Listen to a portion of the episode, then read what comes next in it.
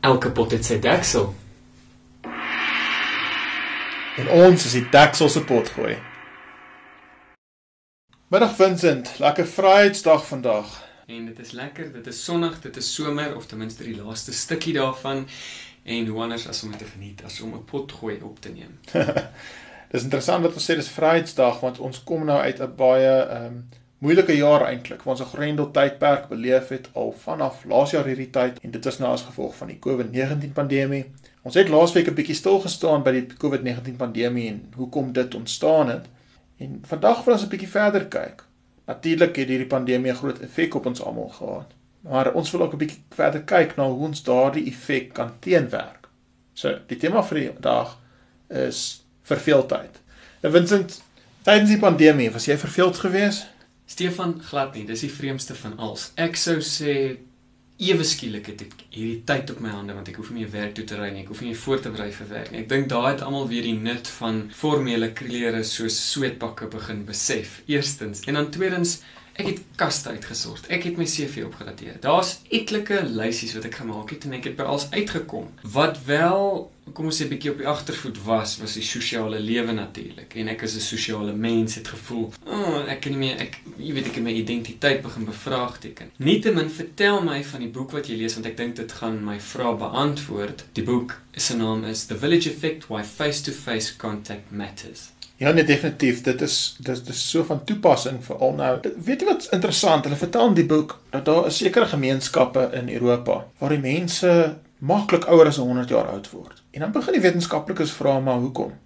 Is dit hulle dieet? Is dit hulle oefening? Wat maak die mense anders? En iets wat 'n groot rol in hulle lewe speel is hulle sosiale interaksie met die ander mense in hulle gemeenskap. Daardie dorpe sit jou ouer mense nie in ouete huise nie Hulle bly nog steeds in die familiehuis en die familie versorg en spandeer baie tyd met hulle. En hulle het gevind dat wat daai vir daai mense groot betekenisvol is, is die feit dat hulle sosiale interaksie op 'n daaglikse basis met ander mense het. Dit is eintlik baie baie belangrik. Hulle het studies gedoen op op diere, rotte en ape en so. En die een ding wat 'n groot verskil maak in 'n mens se lewe of jy baie oud word, is jou sosiale interaksie met ander mense.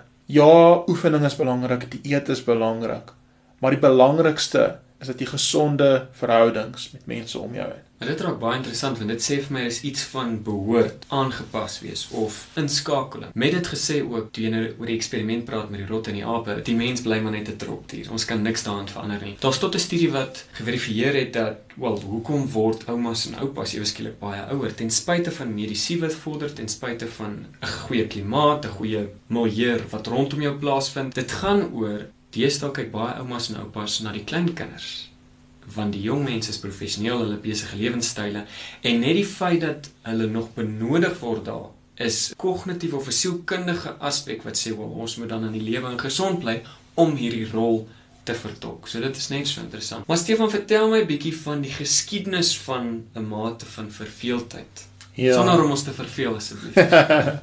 Jy moet kyk, is tog interessant. Jy sê nou jou verveeldheid het gekom uit die feit dat jy nie sosiale lewe gehad het tydens COVID nie. 'n Ander ou se verveeldheid het dalk ook daarvan gekom, maar dit het miskien ook gekom uit die feit dat hy net elke dag nou tussen hierdie vier mure sit en daar is nie 'n uitdaging in die lewe vir hom nie. Dalk het hy sy werk verloor en hy het net geen vooruitsig gehad vir die toekoms nie. Maar verveeldheid is eintlik 'n baie nuwe konsep. Soos het jy geweet dat lank voor ons byvoorbeeld boerderye gehad het as mense, toe ons nog in die veld geleef het en gesoek het vir ons kos en gejag het, het die konsep van verveeldheid nie bestaan nie. Dis eers iets wat na die industriële revolusie eintlik 'n konsep geraak het in 'n mens se se brein. Het jy ook geweet dat daar is 'n sekere persentasie van Amerikaanse kinders tussen 90 en 98% van Amerikaanse kinders beleef elke dag eers in hulle lewe verveeldheid. Ek dink ons begin 'n uitruil program en dan kry ons hulle in Suid-Afrika ons af hulle goed besig hou. maar die hele konsep van verveeldheid is 'n baie nuwe ding. Dit is so asof toe ons nie meer noodwendig moes veg vir oorlewing nie, maar toe ons lewe eintlik baie makliker geraak het en ons nie noodwendig moes moes hard werk om 'n bok te soek nie, elke dag net konstant dieselfde tipe maaltye begin kry het en dieselfde rotines begin volg het, dat dit ons verveeld gemaak het. Verveeldheid is eintlik ook maar die afwesigheid van uitdaging. En so wil ek ook maar net terugkom na die ou wat byvoorbeeld sy werk verloor het en nou na Covid nie 'n vooruitsig het nie. Hoe hanteer 'n mens daardie stres?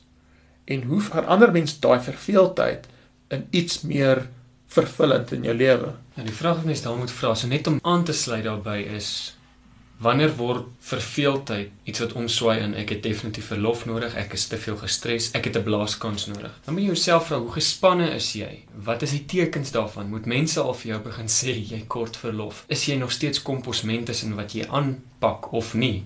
Is jy besig om jou kop te vloer? Die boom buite jou parkering is al vir 10 jaar daar en vir die eerste keer daai 10 jaar ry jy hom raak en jy blameer hy het voor jou ingespring byvoorbeeld. Hmm.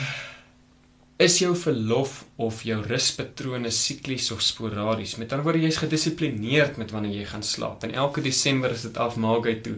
Hakkie venters, hier gat ons. Wat wat is wat is vir jou daai teken? Is dit 'n jy raak so uitgeput by die einde van die jaar dat jy dan op vakansie gaan? Of kan dit in middel van die jaar traumatiese iets wees wat met jou gebeur het wat sê ek moet gaan introspeksie hou. Ek benodig tyd af.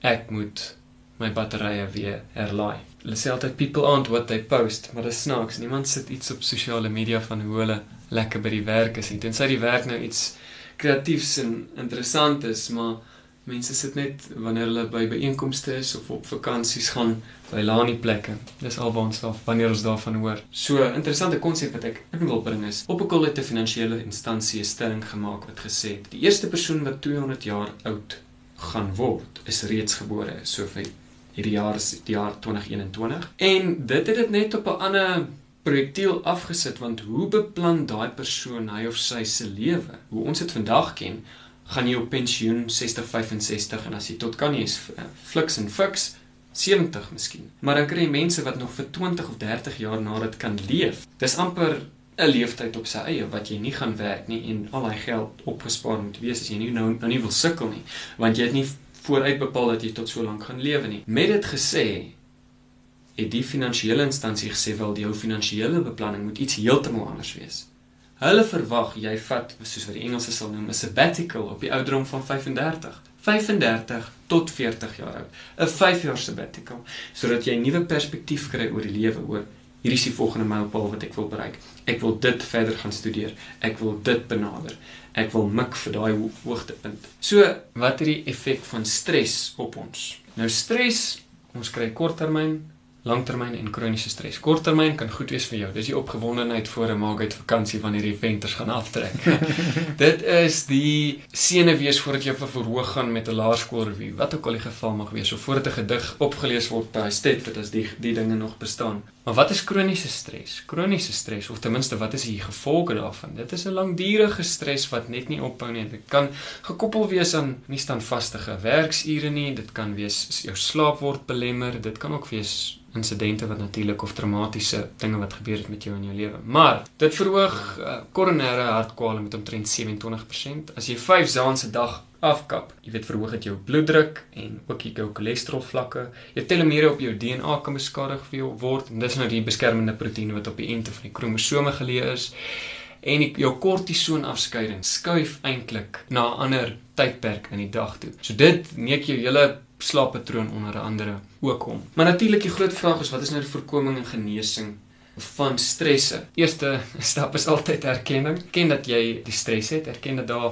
geleenthede is vir jou om dit uit jou stelsel uit te kan kry ook. En natuurlik kosse, krye, kafeïne goed gereguleerd ten minste en dan 'n mate van introspeksie dis waar jy lekker sit langs die strand en vra wat het gebeur as ek op koers en op kie en op die regte pad met wat ek doen maar wat se aksie fisiese aksie Stefan kan ons vat om stres te verminder om 'n mate van verveeldheid te bekamp Vincent is maar eenvoudig spring van 'n berg af met 'n tou Wel, dit hang af. Party mense spring van berge af met valskerms en toue en sulke tipe goed en dit is vir hulle pret.